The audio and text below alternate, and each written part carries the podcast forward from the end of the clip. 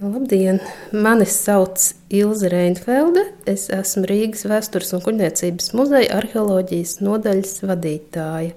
Vai zini, ka Rīgas Vēstures un kuģniecības muzejā tiek glabātas 13. gadsimtā izgatavotas spēļu bumbas? Tāpat kā mūsdienās, arī viduslaikos un agrajos jaunajos laikos pilsētnieku vidū bija izplatītas fizisko prasmu spēles kas gan nodrošināja treniņu un palīdzēja attīstīties, gan kalpoja vienkārši kā izklaide.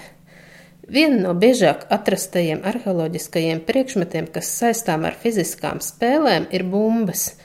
Dažādās bumbas spēles viduslaika Eiropā aizgūtas no seno austrumu un antīkās kultūras, un spriežot pēc Eiropas ikonogrāfiskā materiāla un aprakstiem, uzskatāms par priekštečiem daudziem šodien pazīstamiem sporta veidiem - kriketam, tenisam, futbolam un citiem.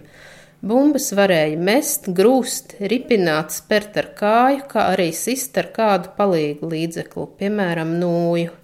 Rīgā atrasts dažāda izmēra divu veidu bumbas cietās, kas izgatavotas no koka vai ķieģeļa māla, un mīkstās, ko šuva no ādas detaļām un pēc tam piepildīja ar tekstīlijām vai kādu citu materiālu.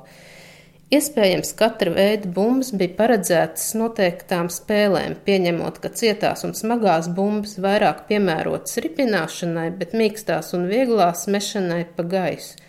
Diemžēl vairs nav iespējams noskaidrot, kādās tieši spēlēs Rīgā atrastās bumbas tika izmantotas un kāda bija šo spēļu noteikumi.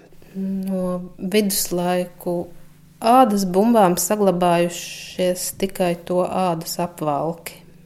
Neskaitot lielās bumbas, Rīgās uziets arī vairāk nekā simts izmēros mazu bumbiņu. Bumbiņu spēles, kam nodevās kā bērni, tā pieaugušie, Eiropā popularitātes virsotni sasniedz no 13. līdz 17. gadsimtam, bet izplatītas tās bija arī vēlāk.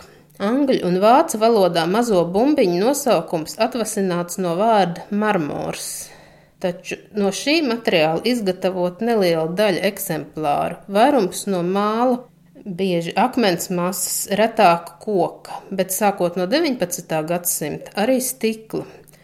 Bumbiņu spēlē pamatā ir ripināšana vai mešana pa pretinieku bumbiņām.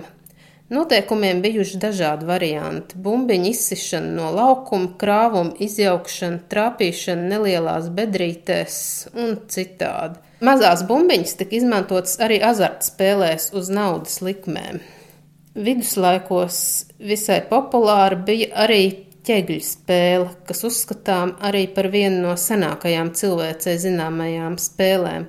Rīgā pazina spēles versiju, kad par ķegļiem kalpoja kauliņi, ko darināja no dzīvnieka falangas jeb pirkstu kaula un piepildīja ar svinu.